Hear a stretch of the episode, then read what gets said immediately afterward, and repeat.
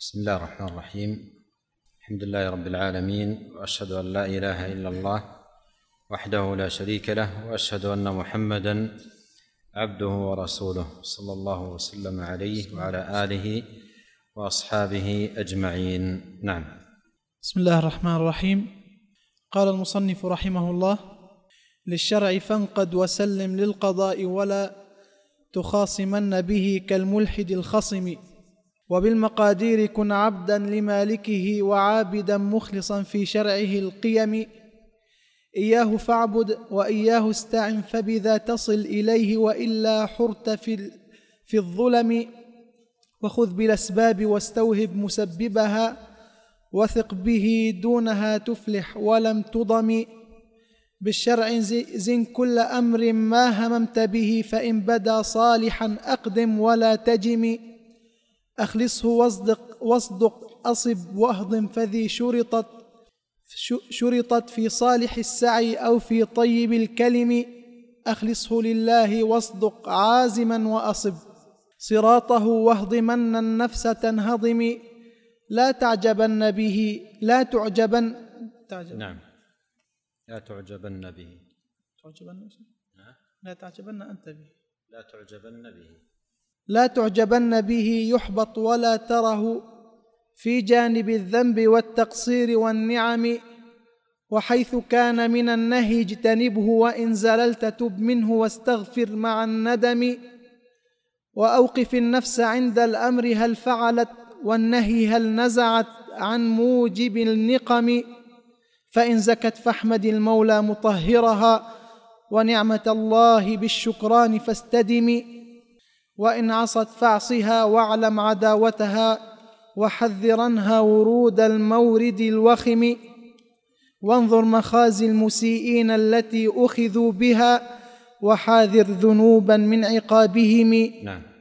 يواصل الناظم الإمام الشيخ حافظ حكمي رحمه الله تعالى في خاتمة هذا النظم التي جعلها بعنوان تحصيل ثمرات العلم النافعة واجتناء واجتناء قطوفه الدانية اليانعة حيث أخذ رحمه الله تعالى يعدد يعدد صفات أهل العلم الذين هم أهل لاجتناء ثمار العلم والفوز بآثاره العظيمة.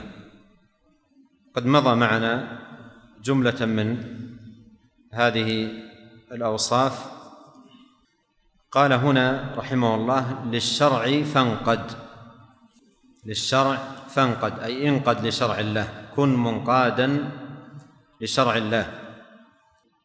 كما قال الله سبحانه وتعالى فلا وربك لا يؤمنون حتى يحكموك فيما شجر بينهم ثم لا يجدوا في أنفسهم حرجا مما قضيت ويسلموا تسليما.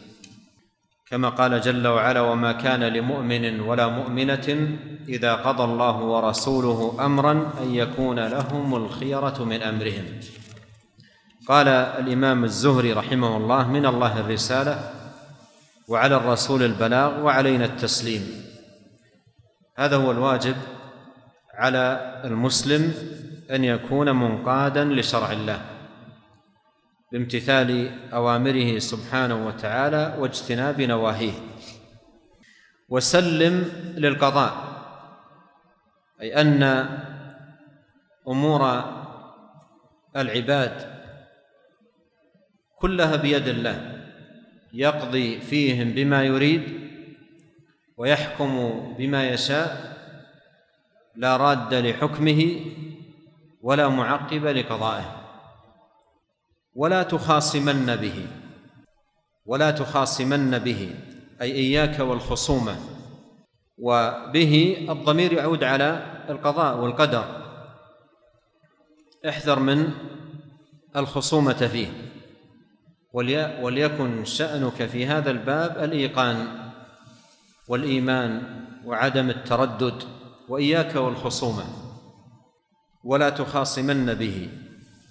كالملحد الخصم لأن الخصومة في الأمور الثابتة والأحكام البينة الواضحة في كتاب الله وسنة نبيه صلى الله عليه وسلم سبيل أهل الضلال وطريق أهل الباطل. وقد جاء في الحديث في مسند الإمام أحمد والترمذي وغيرهما عن أبي أمامة رضي الله عنه قال قال رسول الله صلى الله عليه وسلم ما ضل قوم بعد هدى كانوا عليه إلا أوتوا الجدل ثم قرأ ما ضربوه لك إلا جدلا بل هم قوم خصمون وقد جاء عن السلف الصالح رحمهم الله نقول عديدة في ذم الخصومة في الدين والتحذير منها. ومن ذلكم قول الإمام أحمد رحمه الله جوابا عمن سأله في مسائل في الإيمان. قال بسم الله الرحمن الرحيم أحسن الله إلينا وإليك في الأمور كلها وسلمنا وإياك من كل شر برحمته. أتاني كتابك. تذكر ما تذكر. من احتجاج من احتج من المرجئة. واعلم رحمك الله أن الخصومة في الدين ليست من طريق أهل السنة. وقال الإمام أبو يوسف صاحب الإمام أبي حنيفة رحمهم الله الخصومة في الدين بدعة. ثم قال رحمه الله وبالمقادير كن عبدا لمالكه وعابدا مخلصا في شرعه القيم. بالمقادير أي بما قدره الله سبحانه وتعالى. كن عبدا أي موقنا مؤمنا بأن ما قدره الله عز وجل كائن وأن الأمور كلها بقضاء الله وقدره. وفي الحديث عن عبادة بن الصامت رضي الله عنه أو في الأثر في الحديث عن عبادة بن الصامت رضي الله عنه أنه قال لابني يا بني إنك لن تجد طعم الإيمان حتى تعلم أن ما أصابك لم يكن ليخطئك وما أخطأك لم يكن ليصيبك. سمعت رسول الله صلى الله عليه وسلم يقول إن أول ما خلق الله تعالى القلم فقال له اكتب فقال ربي وماذا أكتب؟ قال اكتب مقادير كل شيء حتى تقوم الساعة. يا بني إني سمعت رسول الله صلى الله عليه وسلم يقول من مات على غير هذا فليس مني. رواه أبو داود. قوله وبالمقادير كن عبدا لمالكه وعابدا مخلصا. ذكر شيئين عبدا وعابدا. عبدا وعابدا. عبدا هذه في باب الربوبية والقضاء. والقدر. كن عبدا لمالكه أي أقر بأنك عبد. ومعنى عبد أي معبد مذلل. لا خروج لك عن ما يقضيه الله فما شاءه الله كان وما لم يشاءه لم يكن. فكن عبدا لمالكه أقر بأنك عبد أي معبد مذلل طوع تدبير الله جل وعلا. وتسخيره وتصريفه وتدبيره. كن عبدا. قال وعابدا مخلصا. هذا في باب توحيد العبادة. كن عابدا. أي قائما بالعبادة التي أمر أمرك الله سبحانه وتعالى بها. قائما بهذه الوظيفة على وجه الإخلاص لله. عابدا مخلصا. عابدا أي لله مخلصا له الدين في شرعه القيم عابدا له بالإخلاص في شرعه القيم أي الذي لا عوج فيه. قال تعالى فادعوا الله مخلصين له الدين قال تعالى وما أمروا إلا ليعبدوا الله مخلصين له الدين وقوله رحمه الله إياه فاعبد وإياه استعن فبذا تصل إليه وإلا حرت في الظلم. أي اجمع بين العبادة والاستعانة إياك نعبد وإياك نستعين. بدأ جل وعلا بالعبادة لأنها الغاية ثم ذكر الاستعانة لأنها الوسيلة. إياك نعبد وإياك نستعين. والناظم رحمه الله أتى بهما على ترتيب الآية. قال إياه فاعبد وإياه استعن. والعبادة هي الغاية. والاستعانة هي الوسيلة. العبادة تحقيق قول لا إله إلا الله والاستعانة تحقيق لا حول ولا قوة إلا بالله. فلا يعبد إلا الله ولا يستعان إلا بالله. إياه فاعبد وإياه استعن. فبذا تصل إليه. تصل إليه وتفز برضاه وتنل جنته وتنجو من عقابه وناره. بالعبادة والاستعانة. وتقديم المعمول على العامل في الآية إياك نعبد وإياك نستعين وفي النظم إياه فاعبد وإياه استعن يفيد الحصر. والمعنى نعبدك ولا نعبد غيرك ونستعين بك ولا نستعين بغيرك. قال وإلا يعني إن لم تفعل ذلك حرت في الظلم. إن لم تحقق هذين الأمرين وتقم بهذين المطلبين تحر تكون حائرا في الظلم أي في بحر الظلمات. قال وخذ بالأسباب واستوهب مسببها. وخذ بالأسباب أي باشر الأسباب وافعلها. الأسباب التي هي القيام بالعبادة والطاعة التي أمرت بها لتنل رضا الله عز وجل والأسباب التي تنال بها أمور معاشك من طلب للرزق وسعي في المباح.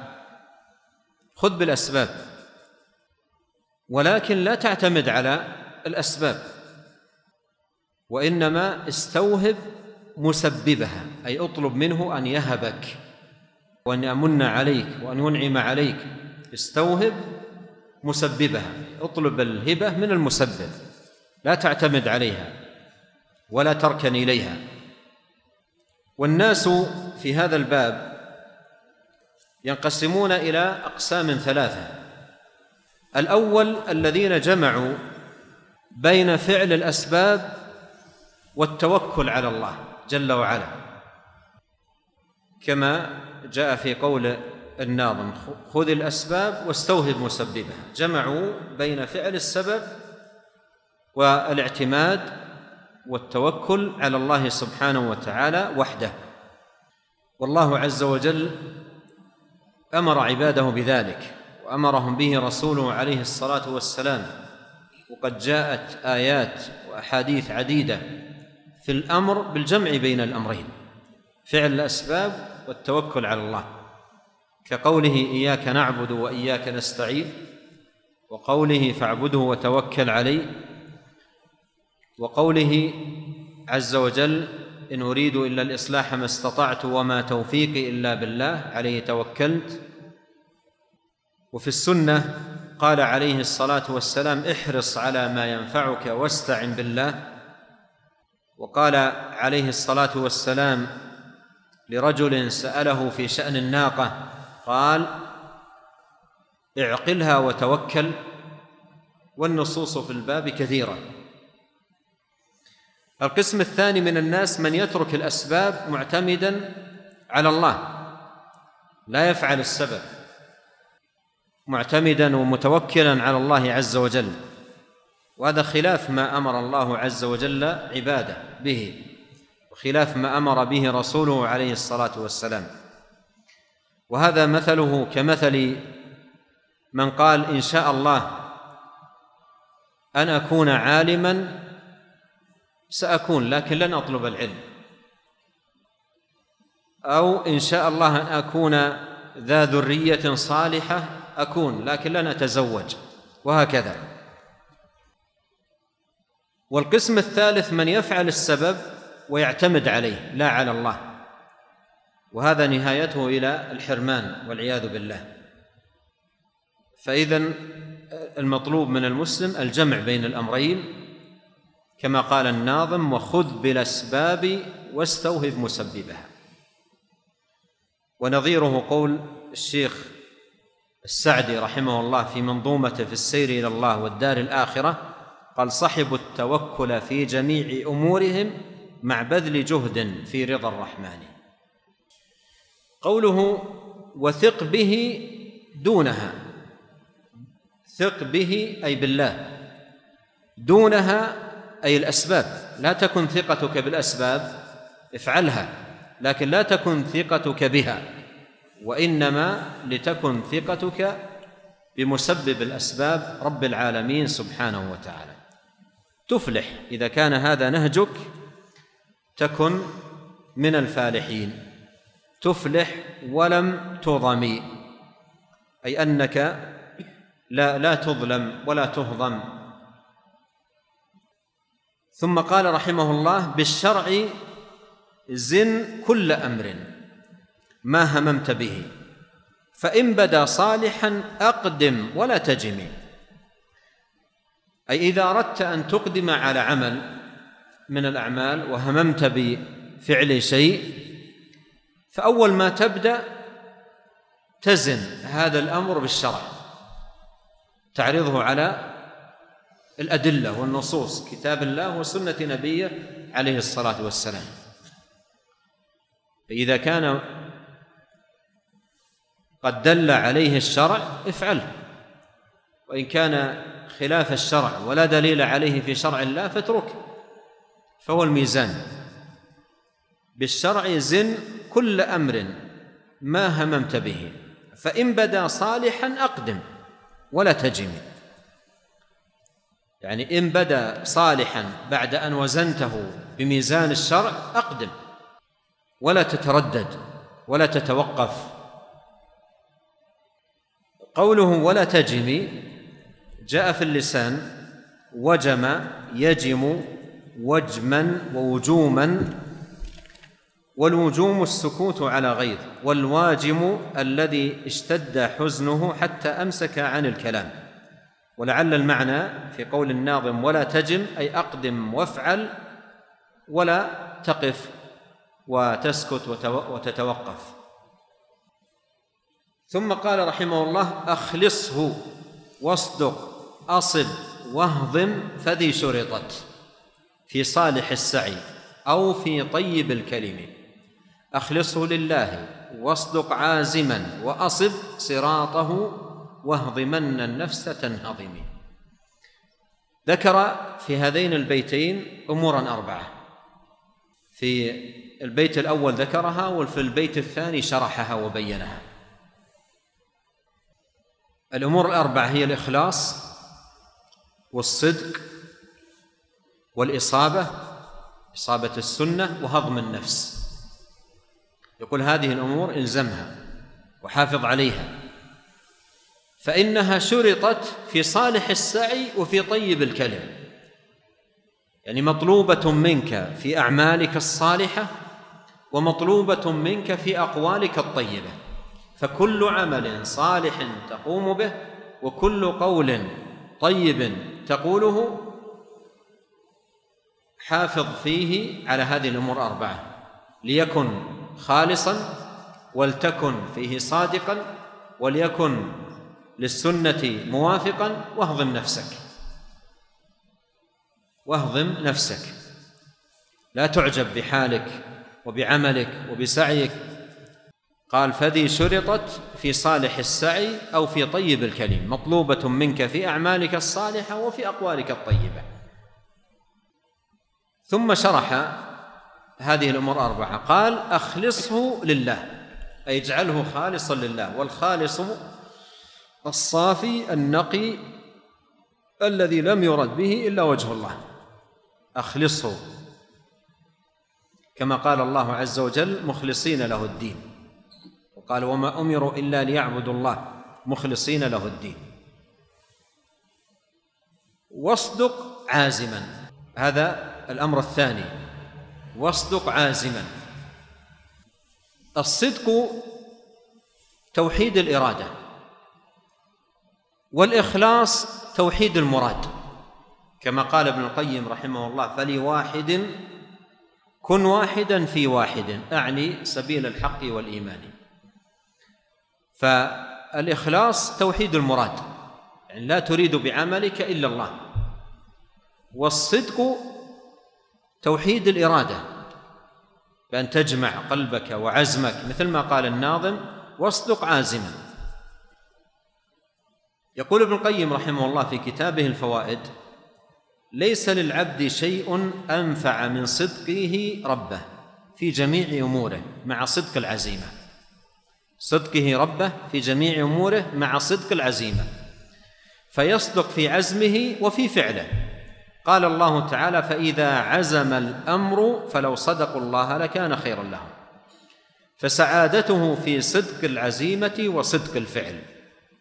فصدق العزيمة جمعها وجزمها وعدم التردد فيها بل تكون عزيمة لا يشوبها تردد ولا تلوم. فإذا صدقت عزيمته بقي عليه صدق الفعل. وهو استفراغ الوسع وبذل الجهد فيه وألا يتخلف عنه بشيء من ظاهره وباطنه. فعزيمة القصد تمنعه من ضعف الإرادة والهمة وصدق الفعل يمنعه من الكسل والفتور. ومن صدق الله في جميع أموره صنع الله له فوق ما يصنع لغيره. وهذا الصدق معنى يلتئم من صحة الإخلاص وصدق التوكل فأصدق الناس من من صح إخلاصه وتوكله. انتهى. وقوله وأصب صراطه. وأصب صراطه. أي لتكن أفعالك على الصواب. قال الحسن رحمه الله في معنى قوله تعالى ليبلوكم أيكم أحسن عملا قال أخلصه وأصوبه. قيل يا أبا علي وما أخلصه وأصوبه؟ قال إن العمل إذا كان خالصا ولم يكن صوابا لم يقبل وإذا كان صوابا ولم يكن خالصا لم يقبل حتى يكون خالصا صوابا. والخالص ما كان لله والصواب ما كان على السنة. وقوله واهضمن النفس واهضمن النفس تنهضمي يعني لا تعجب بنفسك. مهما تقدم من الأعمال والطاعات ومهما تحقق من الإخلاص والصدق وتبذل من العمل اهضم نفسك واتهمها بالتقصير. فإذا فعلت ذلك انهضمت النفس. وإلا يصاب وإلا فإن الإنسان يصاب بالعجب والغرور.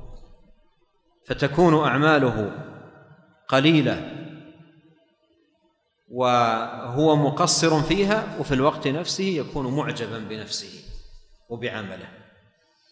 لكن إذا هضم الإنسان نفسه تنهضم. يوضح ذلك رحمه الله بقوله لا تعجبن به يعني بعملك. لا تعجبن به أي بعملك. مهما قدمت من أعمال من صلاة من صيام من طلب للعلم من حفظ إلى آخره لا تعجبن به. ولعلكم تذكرون قول الناظم رحمه الله إياك والعجب إن العجب مجترف أعمال صاحبه. في سيله العرم العجب خطير جدا. فيقول لا لا تعجبن به أي بعملك يحبط لأن العجب يجترف الأعمال ويبطلها ويبطلها ويحبطها. لا تعجبن به يحبط. ولا تره ولا تره في جانب الذنب والتقصير والنعم. يعني لا تره شيئا. في جانب الذنب اولا أنت مذنب. إذا كانت عندك هذه الأعمال انظر أيضا إلى ذنوب عديدة تقع تقع فيها. فإذا أعجبك عمل من الأعمال الصالحة التي قمت بها تذكر شيئا إلى جنب هذا وقع منك وهو الذنوب. هذا هذا واحد. ثانيا تذكر أنك مقصر. حتى في هذا العمل الذي أنت معجب فيه تذكر أنك مقصر. مهما حاولت أن تكمل العمل وتتممه لا تسلم من التقصير. والأمر الثالث النعم. نعم الله سبحانه وتعالى عليك لا تعد ولا تحصى. فلا تره شيئا. في جنب الذنب والتقصير والنعم لا ترى عملك شيئا. بل ترى نفسك لا لا تزال مقصرا مفرطا. يوضح ذلك ما جاء في الصحيحين من حديث أبي هريرة رضي الله عنه قال قال رسول الله صلى الله عليه وسلم لن ينجي احدا منكم عمله. لن ينجي أحدا منكم عمله. مهما كبر العمل وعظم نعم. مهما حسن العمل وتم نعم. لن ينجي أحدا منكم عمله. قالوا ولا أنت يا رسول الله. قال ولا أنا. إلا أن يتغمدني الله برحمته. وعليه الصلاة والسلام أخشى الناس لله وأكملهم عبودية له سبحانه وتعالى. فاذا لماذا يعجب الإنسان بعمله؟ إذا تفكر في مثل هذه المعاني التي أشار إليها المصنف يذهب عنه العجب وينطرد بإذن الله سبحانه وتعالى. قال الله تعالى إن الذين هم من خشية ربهم مشفقون والذين هم بآيات ربهم يؤمنون والذين هم بربهم لا يشركون والذين يؤتون ما آتوا وقلوبهم وجلة. هذه حال أهل الإيمان. قال قلوبهم وجلة ليست معجبة. أنهم إلى ربهم راجعون أولئك يسارعون في الخيرات وهم لها سابقون. روى الترمذي في جامعه والإمام أحمد في مسند عن عائشة رضي الله عنها قالت سألت رسول الله صلى الله عليه وسلم عن هذه الآية فقلت أهم الذين يشربون الخمر ويزنون ويسرقون؟ فقال لا يا ابنة الصديق ولكنهم الذين يصومون ويصلون ويتصدقون ويخافون ألا يتقبل منهم أولئك الذين يسارعون في الخيرات. قال العلامة ابن القيم رحمه الله. ومن تأمل أحوال الصحابة رضي الله عنهم وجدهم في غاية العمل مع غاية الخوف. وجدهم في غاية العمل مع غاية الخوف. ونحن بين التقصير بل التفريط والأمن. ونحن بين التقصير بل ونحن بين التقصير بل التفريط والأمن. قارن الآن. يقول الصحابة التي الذي يتأمل حالهم يجدهم في غاية العمل مع غاية الخوف. ونحن بين التقصير بل التفريط والأمن. يعني عمل العبد فيه مقصر ومفرط وفي الوقت نفسه آمن. وأولئك أعمال مكملة وطاعات متممة وفي الوقت نفسه ماذا؟ خائفون في هذا المعنى يقول الحسن البصري رحمه الله إن المؤمن جمع بين إحسان وأمن والمنافق جمع بين إن المؤمن جمع بين إحسان ومخافة وإن المنافق جمع بين إساءة وأمن قال ابن القيم ونحن جمعنا بين التقصير بل التفريط والأمن فهذا الصديق يقول وددت أني شعرة في جنب عبد مؤمن. ذكره أحمد عنه وذكر عنه أيضا أنه كان يمسك بلسان نفسه ويقول هذا الذي أوردني الموارد ويبكي كثيرا. ولما احتضر قال لعائشة يا بني إني أصبت من مال المسلمين هذه العباءة وهذا الحلاب وهذا وهذا العبد فأسرعي به إلى ابن الخطاب.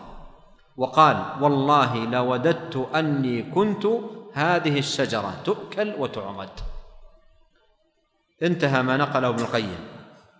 وقال رحمه الله رضاء العبد بطاعته رضاء العبد بطاعته دليل على حسن ظنه بنفسه. وجهله بحقوق العبودية وعدم عمله بما يستحقه الرب جل جلاله ويليق أن يعامل به. وحاصل ذلك أن جهله بنفسه وصفاتها وآفاتها وعيوب عمله وجهله بربه وحقوقه وما ينبغي أن يعامل به يتولد منهما رضاه بطاعته وإحسان ظنه بها ويتولد من ذلك العجب والكبر والآفات. ما هو أكبر من الكبائر الظاهرة؟ من الزنا وشرب الخمر والفرار من الزحف ونحوها. فالرضا بالطاعة من رعونات النفس وحماقاتها. وأرباب العزائم والبصائر أشد ما يكونون استغفارا عقيب الطاعات. لشهودهم تقصيرهم فيها وترك القيام لله بها كما يليق بجلاله وكبريائه. انتهى كلام ابن القيم رحمه الله من كتابه مدارج السالكين. قال رحمه الله وحيث كان من النهي اجتنبه وإن زللت تب منه واستغفر مع الندم. وحيث كان من النهي اجتنبه أي إذا كان الأمر الذي أمامك أو تقبل عليك عليه نفسك من النهي أي مما نهى الله عنه فاجتنبه. كما قال عليه الصلاة والسلام اجتنبوا السبع الموبقات. في القرآن الذين يجتنبون كبائر الذين يجتنبون كبائر الإثم والفواحش. إلا اللمم. ويقول إن تجتنبوا كبائر ما تنهون عنه نكفر عنكم سيئاتكم. فإذا كان الأمر منهي عنه إذا كان الأمر منهيا عنه فاجتنبه ابتعد عنه. وإن زللت يعني إن زلت بك القدم وفعلت الشيء الذي نهى الله عنه تب بادر إلى التوبة والرجوع إلى الله عز وجل. تب منه. والتوبة تكون بترك الشيء الذي نهى الله عنه والندم على فعله والعزم على عدم العودة إليه. تب منه واستغفر أي قل أستغفر الله وأتوب إليه. مع الندم أي كن نادما على مقارفتك لهذا الذنب الذي نهاك الله عنه. وأوقف النفس عند الأمر. هل فعلت؟ والنهي أي وعند النهي هل نزعت عن موجب النقم؟ هنا يتحدث رحمه الله عن محاسبة النفس. يعني حاسب نفسك. في باب الأوامر وباب النواهي. في باب الأوامر اعرض الأوامر الواردة في الكتاب والسنة. اعرضها على نفسك. هل فعلت؟ هل فعلت هذه الأوامر أو لم تفعل؟ هل هي فعلتها أو هي مقصرة؟ هذه محاسبة للنفس. من الأوامر كذا ومن الأوامر كذا ومن الأوامر كذا هل فعلت النفس أو لا؟ وأيضا أوقف النفس عند النهي. هل نزعت؟ هل هي تركته وابتعدت عنه؟ هل نزعت عن موجب النقم؟ الأمور التي نهى الله عنه توجب النقم العقوبة والغضب السخط من الله سبحانه وتعالى. فهو هنا رحمه الله يدعو إلى محاسبة النفس. قال ابن القيم رحمه الله في غاثة اللهفان وذكر الإمام أحمد عن عمر بن الخطاب رضي الله عنه أنه قال حاسبوا أنفسكم قبل أن تحاسبوا وزنوا أنفسكم قبل أن توزنوا فإنه أهون عليكم في الحساب غدا. أن تحاسبوا أنفسكم اليوم وتزينوا للعرض الأكبر يومئذ تعرضون لا تخفى منكم خافية. وقال ميمون بن مهران لا يكون العبد تقيا حتى يكون لنفسه أشد محاسبة من الشريك لشريكه. ولهذا قيل النفس كالشريك الخوان إن لم تحاسبه ذهب بمالك. النفس كالشريك الخوان إن لم تحاسبه ذهب بمالك. وقال ابن القيم رحمه الله محاسبة النفس نوعان نوع قبل العمل ونوع بعده. فأما النوع الأول فهو أن يقف عند أول همه وإرادته ولا يبادر بالعمل حتى يتبين له رجحانه على تركه. قال الحسن رحمه الله رحم الله عبدا وقف عند همه فإن كان لله مضى وإن كان لغيره تأخر. وأما المحاسبة بعد العمل فهو ثلاثة أنواع. أحدها محاسبتها على طاعة قصرت فيها من حق الله تعالى فلم توقعها على الوجه الذي ينبغي. الثاني أن يحاسب نفسه على كل عمل كان تركه خيرا له من فعله. الثالث أن يحاسب نفسه على أمر مباح أو معتاد لما فعله؟ وهل أراد به الله والدار الآخرة فيكون رابحا أو أراد به الدنيا وعاجلها فيخسر ذلك الربح ويفوته الظفر به. ثم قال رحمه الله فإن زكت أي نفسك والله جل وعلا يقول قد أفلح من زكاها وقد خاب من دساها. فإن زكت فاحمد المولى. لأن هذه منة الله عليك. وفضله سبحانه وتعالى. ولولا فضل الله عليكم ورحمته ما زكى منكم من أحد أبدا ولكن الله يزكي من يشاء. فإن زكت فاحمد المولى. لأنه سبحانه وتعالى أكرمك ومن عليك وتفضل فزكى لك نفسك. وفي الدعاء المأثور اللهم آت نفوسنا تقواها زكها أنت خير من زكاها أنت وليها ومولاها. ولعل الشيخ رحمه الله اختار المولى هنا فاحمد المولى موافقة للدعاء. قال آه، آه، اللهم آت نفوسنا تقواها زكها أنت خير من زكاها أنت وليها ومولاها. فإن زكت فاحمد المولى. مطهرها أي الذي من عليها بالطهارة والزكاء والنقاء والصفاء. احمد الله لأن هذا فضله وإنعامه.